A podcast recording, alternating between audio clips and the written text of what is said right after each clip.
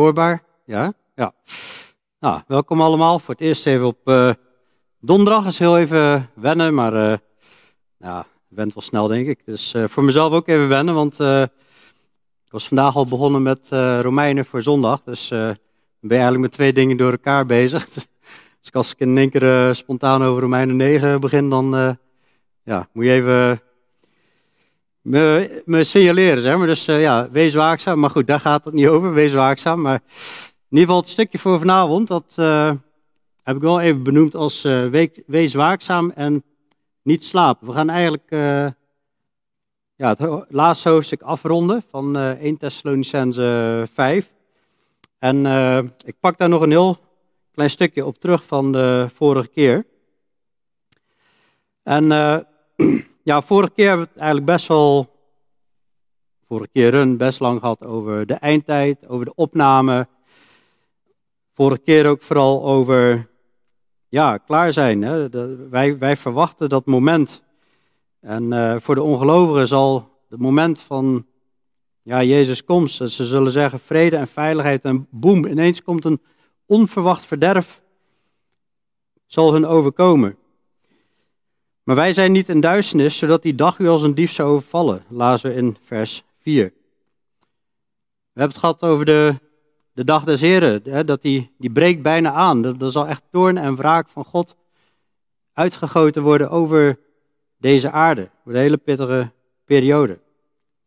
Dus we hebben gehad over waakzaam zijn en dat wij ook niet bestemd zijn tot toorn. Dat stond in vers 9. God heeft ons niet bestemd tot toorn, maar tot het verkrijgen van de zaligheid door onze Heer Jezus Christus. Als wij in Jezus geloven, gered zijn door zijn bloed, gered uit genade door het geloof, dan hebben we vrede bij God, dan zijn we niet bestemd tot toorn. Het vers daarvoor ging over ja, wandelen in geloof en in liefde en met de hoop op de zaligheid als helm. En geloof, hoop en liefde kwamen we al tegen in hoofdstuk 1 vers 3. En kom je hier dus eigenlijk weer tegen, in hoofdstuk 5, vers 8. Je zou kunnen zeggen, ja, in vers 11 tot en met het einde zie je eigenlijk weer hele praktische handreikingen over wat het is om in geloof, hoop en liefde te wandelen. Moet ik even wachten? Nee? Ik dacht misschien, ik dacht misschien hebben ze op de stream geen geluid, maar... Uh, Kraken. Oké. Het ligt niet aan mijn stem. Moet ik even wachten of gewoon doorgaan? Uh... Ja? Oké.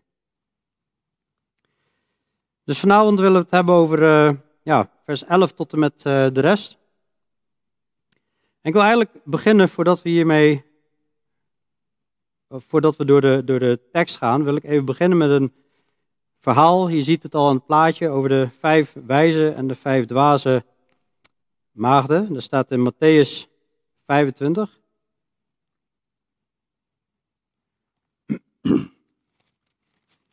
Matthäus 25 vanaf vers 1.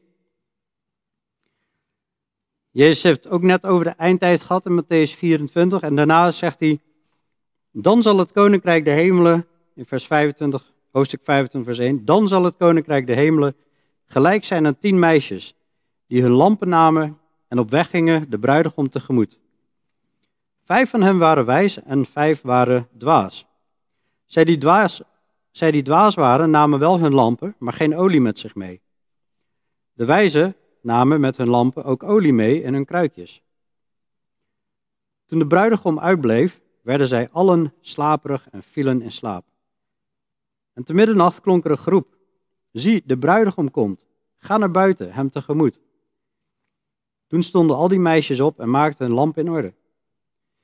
De dwazen zeiden tegen de wijzen, geef ons van uw olie, want onze lampen gaan uit. Maar de wijzen antwoordden, in geen geval, anders is er misschien niet genoeg voor ons en u. Ga liever naar de verkopers en koop olie voor uzelf. Toen zij weggingen om olie te kopen, kwam de bruidegom en zij die gereed waren, gingen met hem naar binnen naar de bruiloft en de deur werd gesloten. Later kwamen ook de andere meisjes en die zeiden, Heer, Heer, doe, open, doe ons open. En hij antwoordde en zei, voorwaar, ik zeg u, ik ken u niet. Wees dan waakzaam, want u weet de dag en ook het uur niet waarop de zoon des mensen komen zal. De kern van dit verhaal is van ja, er zullen mensen klaar zijn, klaarstaan, Jezus komst verwachten, voorbereid zijn wanneer Jezus komt. En er zullen mensen te laat zijn. En net als eigenlijk bij de ark van Noach, kloppen op die deur, maar er wordt niet meer open gedaan. Maar je zag in vers 6, te middernacht klonk er een geroep, zie de bruidegom komt, ga naar buiten hem tegemoet. Nou, ik denk dat wij door deze prediking en door de eindtijdstudies die we hebben gedaan en ook weer 1 Thessalonicense weer opgeroepen zijn, zie de bruidegom komt. En dan zijn wij dan klaar. Zijn we ons aan het klaarmaken voor zijn komst. En wereldwijd zijn er veel predikers die echt weer aan het prediken zijn over de eindtijd. En oproepen om waakzaam te zijn. en dat zagen we in 1 Thessalonicense 5 vers 6 ook. Laten wij dan niet evenals de anderen slapen, maar laten wij waakzaam en nuchter zijn. Want zij die slapen, slapen s'nachts en zij die dronken zijn, zijn s'nachts dronken. Nou, dronken zijn dus een van de kenmerken van het wandelen in de vlees, leven door in, in het vlees, zeg maar. Slapen of waakzaam zijn, eh, soms wordt het slapen genoemd waakzaam zijn, soms wordt het licht, leven in het licht, leven in duisternis genoemd. Wandelen in de geest, wandelen in het vlees, dus het komt allemaal op hetzelfde neer. Maar vandaag gaan we kijken hoe we waakzaam kunnen zijn, hoe we kunnen wandelen in geloof, hoop en liefde. In vers 11, 1 Thessalonicense 5, vers 11. En dan zien we, bemoedig elkaar daarom en bouw de een de ander op, zoals u trouwens al doet. Het is zo belangrijk, ik ga hier even wat puntjes opsommen, terwijl we door de verzen gaan, om elkaar te bemoedigen. Dat is de reden waarom we hier komen. Dat is het doel van de gemeente, om elkaar op te bouwen en God meer en meer te verheerlijken. Elkaar te bemoedigen wanneer iemand ontmoedigd is. Elkaar te bemoedigen wanneer je ziet van, hé, hey, die heeft het zwaar, of die heeft het, uh, of wandelt hij nog wel met de Heer. Bemoedig elkaar daarom en bouw de een de ander op, zoals u trouwens al doet. Niet alleen een oproep naar leiders, maar dit is naar iedereen. Bemoedig elkaar. We hebben tegenwoordig hele handige middelen zoals app. Je kunt zo iemand een app sturen, zo iemand een bemoediging sturen, zo iemand bellen, zo bij iemand langsgaan of hier even met iemand praten. Vers 12, dan zegt hij, en wij vragen u broeders hen te erkennen die onder u arbeiden, uw leiding geven in de Heer en u terechtwijzen. En hen uitermate hoog te achten in liefde om hun werk. Leef in vrede met elkaar. We zien nu eigenlijk een, een opsomming, een hele reeks met allemaal losse opdrachten. En uh, waarvan ik geloof, ja, als je hierin gaat wandelen, hè, dan zoek je echt eerst Gods koninkrijk, zijn gerechtigheid. En dan krijg je echt een stukje hemel op aarde in de gemeente. Het volgende punt is om. Hij, hij spreekt over broeders. Hè, hij, hij ziet ons als een familie. Broeders en zusters natuurlijk. En de oproep is om hen te erkennen die onder u arbeiden, u leiding geven in de Heer en u terechtwijzen. En hen uitermate hoogte achten in liefde om hun werk. Ik vind dat een beetje dubbel als je versen hebt um, die gaan over de rol die ik bekleed, zeg maar. Maar eigenlijk uh, moet je het zo zien dat God heeft gewoon rollen gegeven in de gemeente. En ik, ik doe even een stap opzij. Het gaat even over de rol van de personen die hier staan, zeg maar, die leiding geven. Of dat nou hier is, of in China, of in Afrika. Overal waar Jezus zijn gemeenten heeft, zeg maar, daar zijn leidinggevenden aangesteld. Ook toen, vermoedelijk omdat het een hele jonge gemeente was. Die was net gestart, waren er nog geen ouderlingen, maar zag je wel, uh, je ziet Paulus steeds arbeiders sturen, zoals Timotheus en Silas, Silas en uh, uh, Titus, en, die elke keer naar gemeente gaan om ze op te bouwen. Vermoedelijk gaat het over hun, maar net zo goed gelden deze opdrachten ook voor ouderlingen om hen te erkennen die onder u arbeiden, uw leiding geven in de Heer en u terechtwijzen. Nou, wat is dat dan, dat erkennen? In ieder geval, ik denk, uh, erkennen, hè, dat, is, dat, dat is ook gewoon accepteren. Accepteren dat er leiding gegeven is door de Heer. Dat heb ik niet bedacht, dat er leiding is in de gemeente. Heeft, Jezus is de opperherder en hij stelt onderherders aan. En het gaat over personen die onder u arbeiden, leidinggevende heren en terechtwijzen. Nou, dat leidinggeven is vrij duidelijk, maar dat arbeiden, wat is dat arbeiden dan? Uh, vermoedelijk wordt hier uh, bedoeld het arbeiden, in ieder geval ook in het uh, woord en de leer, zoals we in 1 Timotheus 5, inmiddels voor ons bekend gedeelte, vers 17 en 18, daar zien we, laat ouderlingen die goed leiding geven, dubbele eerwaard geacht worden, vooral degenen die arbeiden in het woord en in de leer. Want de schrift zegt, een dorstende os mag u niet muilbanden en de arbeider is zijn loon waard. En ook in het stukje wat we net lazen in Matthäus 25, net daarvoor, had hij het ook over waakzaam zijn. En dan spreekt hij in Matthäus 24, vers 45 ook over wie is dan de trouwe en verstandige slaaf die zijn heer over zijn personeel aangesteld heeft. dus de een is een uh, slaaf, een dienaar. En personeel zijn ook dienenden, zeg maar. Wie is de trouwe en verstandige slaaf die zijn heer over zijn personeel aangesteld heeft om hun het voedsel op de juiste tijd te geven? Zalig die slaaf die door zijn heer bij zijn komst zo handelend aangetroffen zal worden. Voorwaar, ik zeg u dat hij hem over al zijn bezittingen zal aanstellen. Als die slechte slaaf in zijn hart zou zeggen, mijn heer blijft nog lang weg, en zou beginnen zijn medeslaven te slaan en te eten en drinken met dronkaards, dan zal de heer van deze slaaf komen op een dag waarop hij hem niet verwacht en op een uur dat hij niet weet. En hij zal hem in stukken houden en hem doen delen in het lot van de huigelaars. En daar zal gejammer zijn en tandengeknars. Nou, best wel een uh, pittig verhaal. Vooral de conclusie die je ziet. Maar ik geloof dat het hier ook gaat over ja, mensen hun voedsel geven op de juiste tijd. Dat wat de arbeiders doen, God geeft herders, leraars en die bouwen de gemeente op om ze toe te rusten tot het werk van dienstbetoon. Die geven leiding in de heren en die wijzen terecht. Nou, het is niet dat leiders als het goed is heel de tijd maar rondlopen, hè, maar dat doen ze uit liefde. En als we gewoon al bijbelboeken pakken en we gaan er vers voor vers doorheen, nou, dan zit er al, uh, zonder dat ik die intentie heb, zitten er al genoeg uh, terechtwijzingen in in ieder geval. En, uh, maar dat hebben we nodig om ons scherp te houden. We zien ook in Hebreeën 13,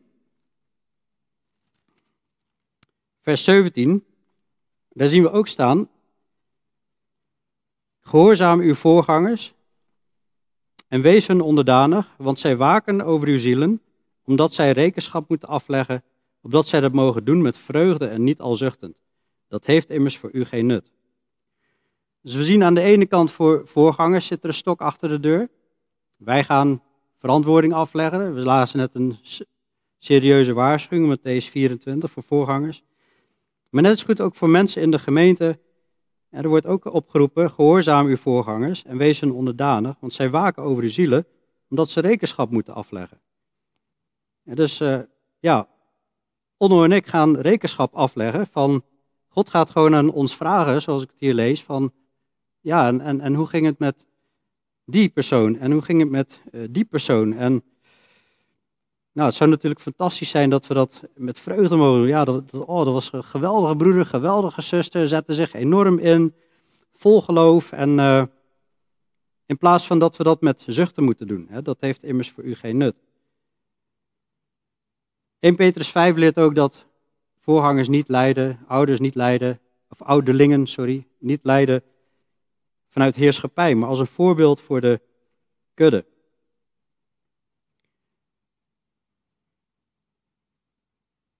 Ja, ik vind de volgende zin, in, terug naar 1 Thessalonians 5 vers 13, er staat ook, en hun uitermate hoogte achten in liefde. Ik vind altijd een beetje dubbel, als, als je zoiets moet uitleggen terwijl het over jezelf gaat, maar Nogmaals, gaat, het gaat om de, de rol van de personen die hier staan. Ja, goed. En in Huis van God hebben Onno en ik dat gezegd. En natuurlijk moeten wij de waarheid verkondigen. Natuurlijk moeten wij echt Gods woord spreken. Dat moet ook op getoetst worden. Maar als we Gods woord brengen en trouw wandelen en gewoon de rol vervullen die Christus vervult. Er staat hier een opdracht om deze mensen uitermate hoog te achten en wel in de liefde. Heel speciaal staat erbij in de liefde. Om hun werk. En er staat er ook bij, niet dat dat per se betrekking heeft op dit verhaal, maar er staat ook leven in vrede met elkaar. als we elkaar moeten bemoedigen en de leiders moeten erkennen en hun uitermate hoog achten in liefde.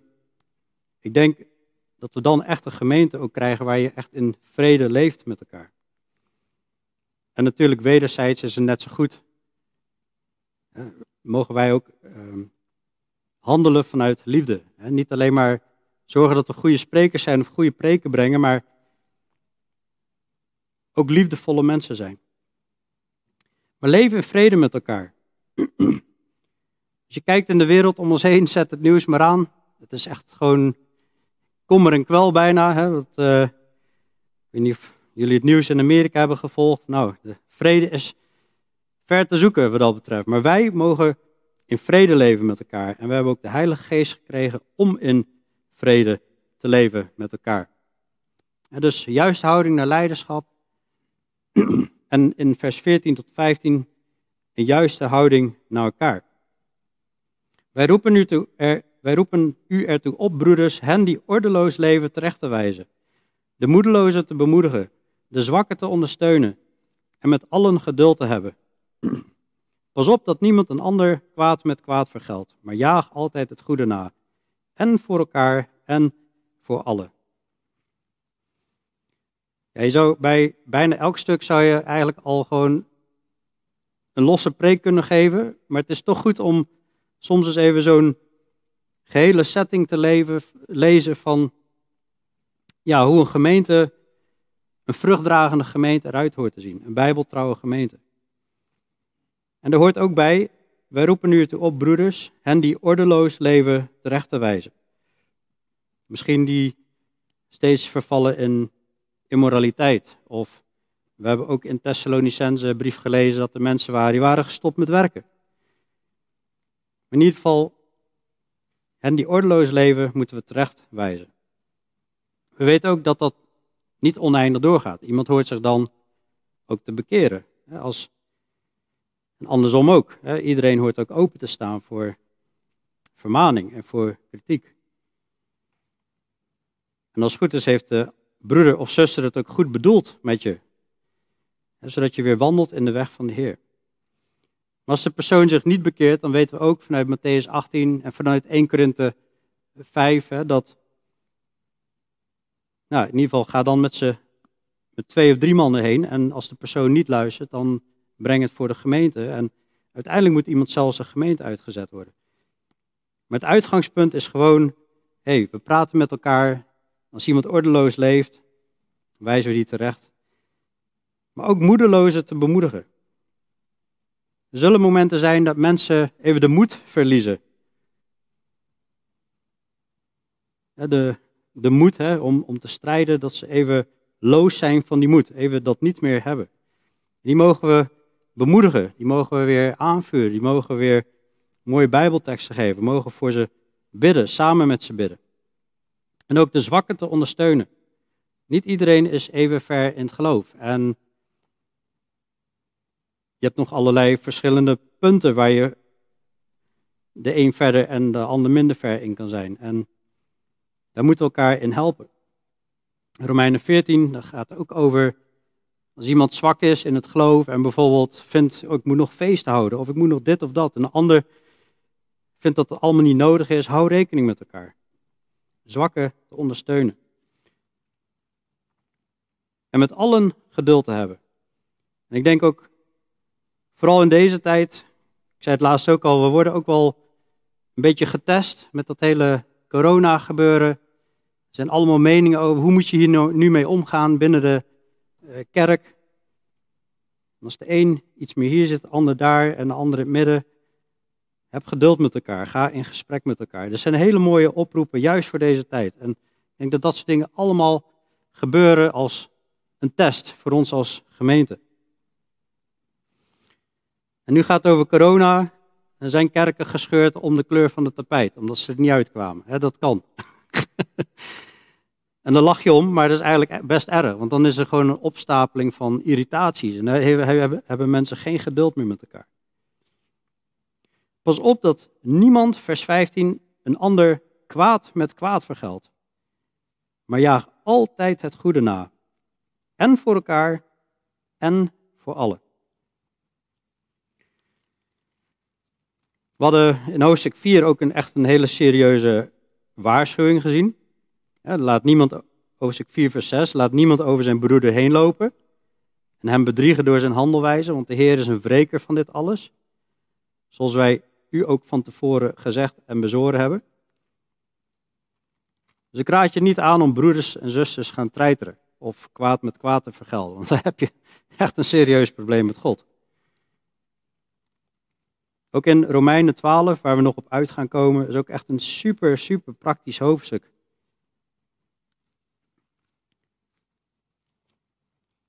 Daar zie je ook in Romeinen 12, vers 19. Wreek uzelf niet, geliefde, maar laat ruimte voor de toorn, want er staat geschreven: Mij komt de wraak toe, ik zal het vergelden, zegt de Heer. Als dan uw vijand honger heeft, geef hem te eten. Als hij dorst heeft, geef hem te drinken. Want door dat te doen zult u vurige kolen op zijn hoofd hopen. Word niet overwonnen door het kwade, maar overwin het kwade door het goede.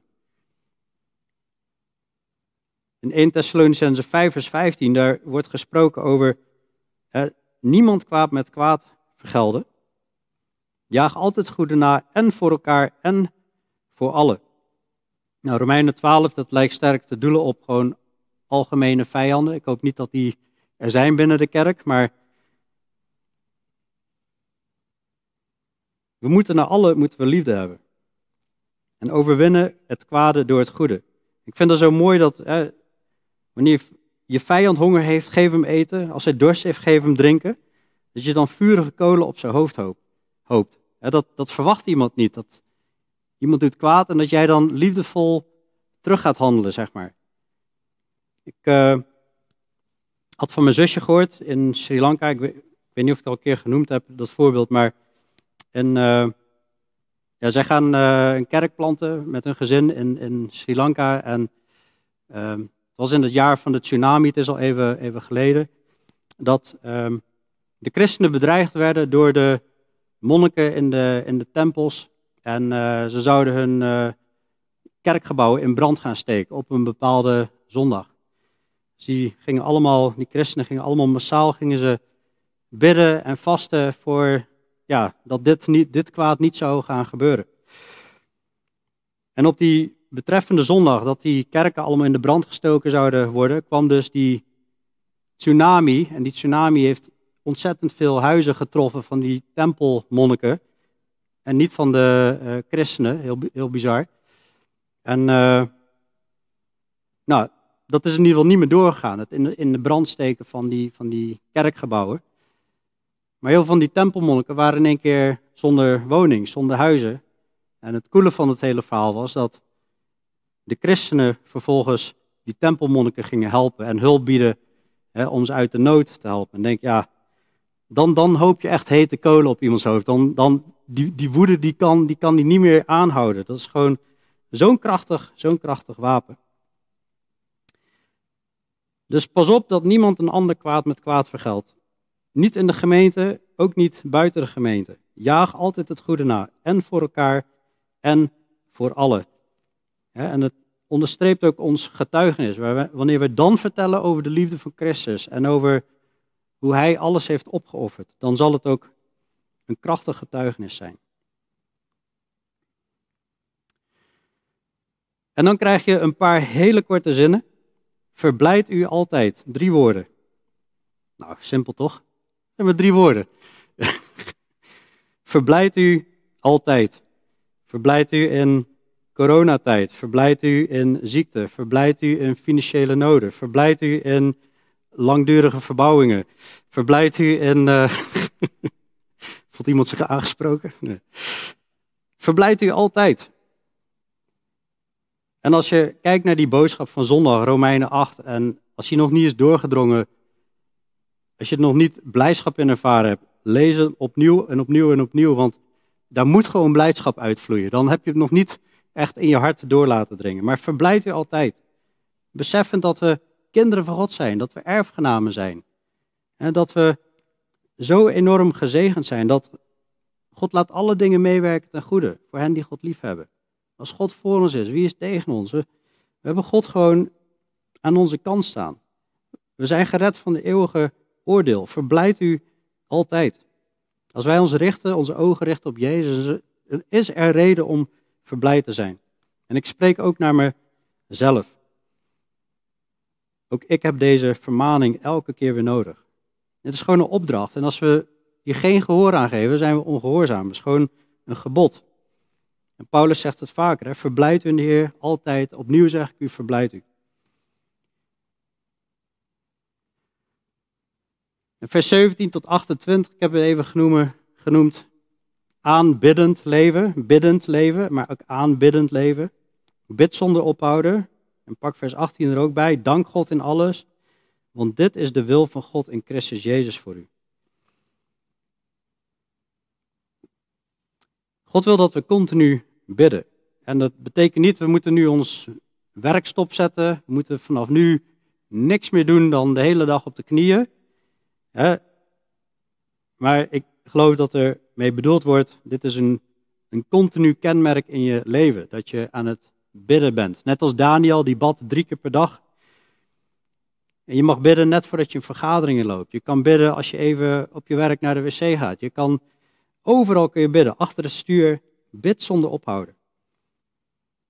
We hebben elkaars gebed keihard nodig. Je hebt gebed voor je eigen leven nodig. Je hebt nog zoveel mensen die Jezus niet kennen, die hebben ons gebed nodig. ik heb zelf gebedslijsten, er zijn mensen waar ik jaren voor heb gebeden en je ziet ze tot geloof komen. Of je ziet ze de gemeente inkomen. Of, het is gewoon geweldig om te zien. En anderen, die zijn wat hardnekkiger, er moet nog wat langer voor gebeden worden. Maar bid zonder ophouden. Dank God in alles. En dat is ook echt een krachtig wapen. Dankbaar zijn in alles. Als wij niet dankbaar zijn, dan word je ontevreden. We kunnen God in alles danken. Want alles werkt toch ook mee te goede voor hen die God lief hebben. Dus mogen ook God in alles danken. Het is zelfs zo sterk, zet hij neer. Dit is de wil van God in Christus Jezus voor u. Dat we dankbaar zijn. En dat leidt tot aanbidding. Hè? Leven, bidden, een biddend leven of een aanbiddend leven leiden. We hadden al eerder gezien wat de wil van God is in ons leven, in hoofdstuk 4. En dat is heilig wandelen. Hoofdstuk 4, vers 3. Dit is de wil van God, uw heiliging. En nou zie je in hoofdstuk 5, vers 18. Dank God in alles, want dit is de wil van God in Christus Jezus voor u. Let op, in Christus Jezus.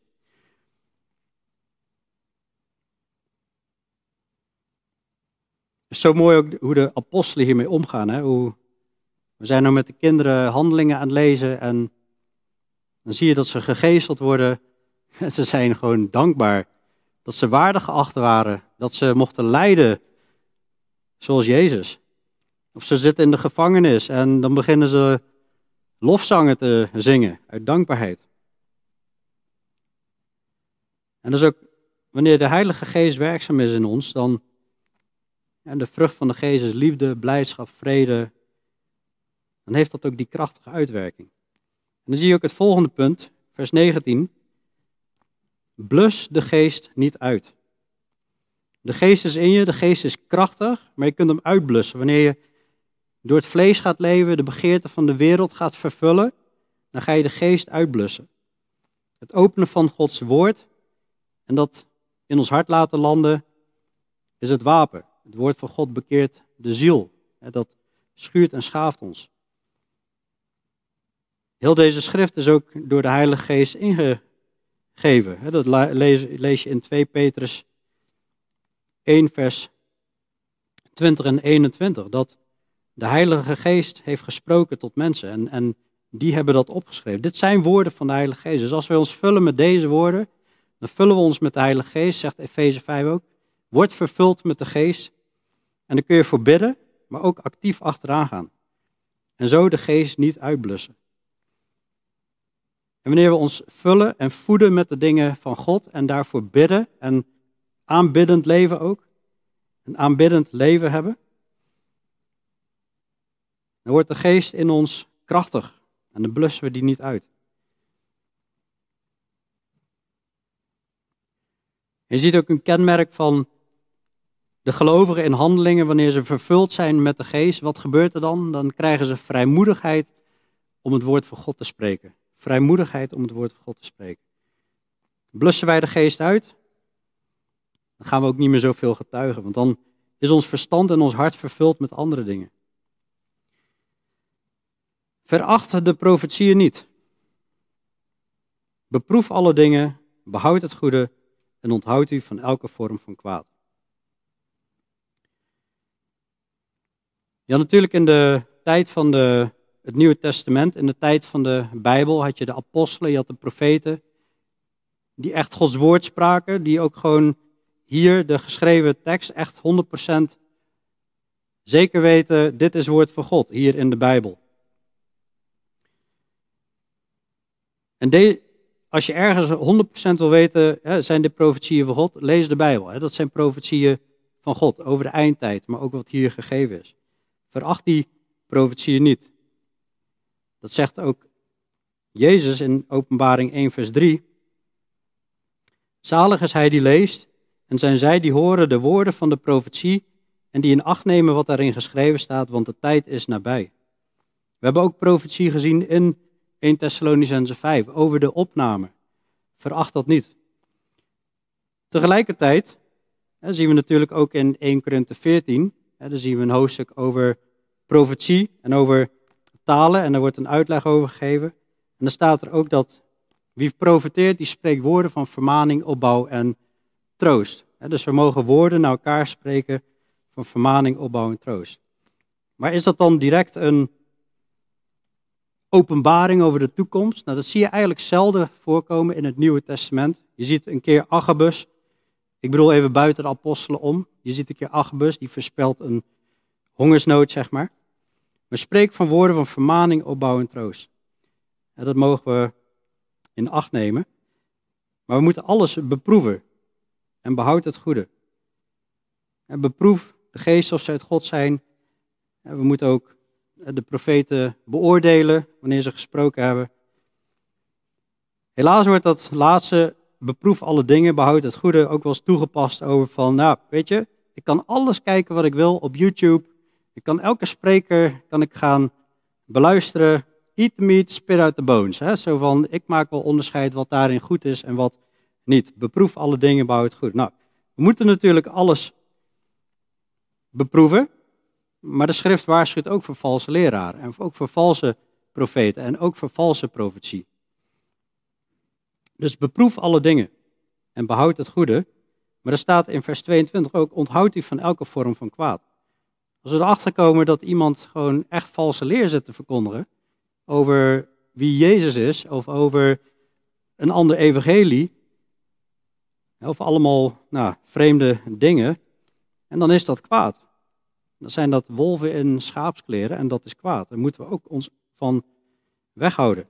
beproef alle dingen, behoud het goede. Dat wil niet zeggen van we accepteren maar elke leer in de kerk.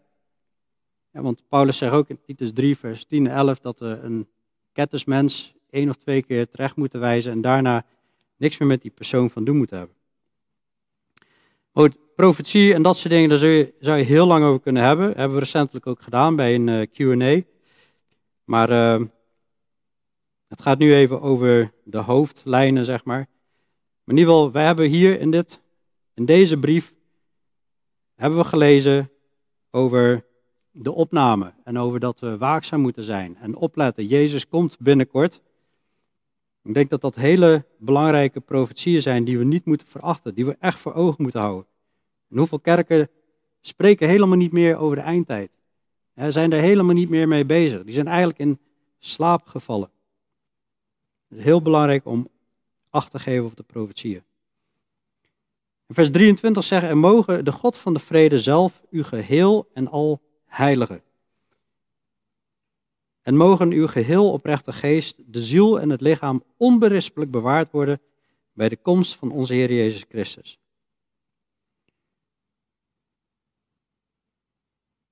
is eigenlijk Paulus die God vraagt, mogen de God van de vrede zelf u geheel en al heilen. Dan moest ik ook denken aan dat Jezus bad net voor zijn sterven, heilig en in uw waarheid, uw woord is de waarheid. En mogen uw geheel oprechte geest, de ziel en het lichaam onberispelijk bewaard worden bij de komst van onze Heer Jezus Christus. Weer wijst hij op de komst van de Heer Jezus Christus en ja, dat we onberispelijk bewaard blijven. En zowel met ziel als lichaam, van binnen en van buiten. Hij die u roept, hij is getrouw. Hij zal het ook doen. Ook weer zo'n mooie bemoediging. Hij zal het ook doen. Het is God die in ons werkt. Het willen en het werken, zegt Filippenzen 2.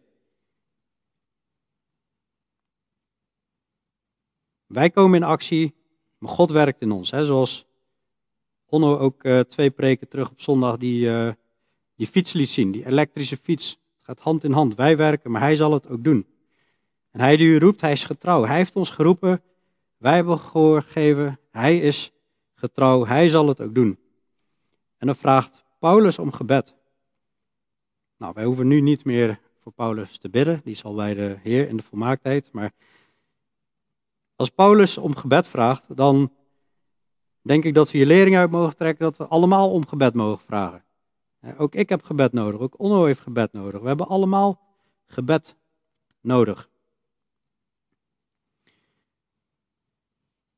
Groet alle broeders met een heilige kus. Dus vanaf nu gaan wij hier elkaar begroeten met nee. Het is natuurlijk in die tijd groeten ze elkaar met een heilige kus, maar uh, ja, op zijn tijd is een knuffel uh, zeker gepast. Vind ik ook heel wrang, ook met die hele coronatijd, dat we zo afstand moeten houden van elkaar, terwijl je eigenlijk in de Bijbel gewoon een uh, bepaalde warmte ervaart, zeg maar. En ja, laten we in ieder geval bidden dat het snel over zal zijn. Ik bezweer u bij de Heer dat deze brief aan alle heilige broeders voorgelezen wordt. Is nogal een, een, een zwaar bevel. Hè? Ik bezweer u bij de Heer dat deze brief van alle heilige broeders voorgelezen wordt. Waarom? Toen Paulus sprak, toen ontvingen de Thessalonicenzen, ontvingen het als zijnde het woord van God. En dat was het ook, hebben we eerder geleerd. En wanneer we dit lezen, mogen we dit ook lezen als zijnde het woord van God. En dat is super belangrijk om voor te lezen. Dat is super belangrijk om vanuit te preken, om te leren vanuit andere gemeenten die toen geleefd hebben. En de genade van onze Heer Jezus Christus zij met u. Amen. De genade van onze Heer Jezus Christus. Alles wat we doen is alleen maar uit genade. En die is met ons, dat is heel bijzonder. Het is een bekende zin, de genade van onze Heer Jezus Christus zij met u. Maar als we elke keer beseffen wat dat inhoudt, dat we eeuwig leven hebben, vrede bij God, dat God bij ons is, nou dan komt dat woord erachteraan, amen. dat betekent het zij zo. Ja, ik vind het een enorme bemoediging. Ik denk ook Binnenkort komt die opname. De vraag was elke keer, hoe wil je gevonden worden? Elkaar bemoedigend, levend in vrede, elkaar versterken, ondersteunen, moedelozen, bemoedigen. Hoe wil je gevonden worden? Er zijn zoveel geboden eigenlijk, opdrachten in dit stukje, bedoeld voor jouw bestwil, bedoeld voor ons bestwil, in de gezinnen, in de gemeente, voor de mensen om je heen. Wees waakzaam. We werden gewoon opgeroepen om niet te liggen slapen. En dat risico is gewoon heel snel aanwezig, dat we in slaap vallen. Ook bij mij. Ik moet ook gewoon actief in gebed zijn, actief in Gods woord zijn. Ik kan ook in slaap vallen. dus blus de geest niet uit. Bid zonder ophouden. Verblijd u altijd. Al die dingen. Geweldige brief, bemoedigend. Lees hem nog eens een keer door. Luister hem nog eens een keer door. Alles staat op YouTube. En uh, vooral dat we het ook toe gaan passen. Dat we hier een gemeente mogen zijn waar met al onze onvolkomenheden, dat we elkaar verdragen, vergeven, dat we er wel naar streven om echt liefdevol met elkaar om te gaan. Zodat de mensen ook die hier nog bij gaan voegen of op bezoek komen, dat die ook gaan zien wat het is om te leven met de Heer en wat, wat God met je doet als Hij je transformeert van binnen. Amen.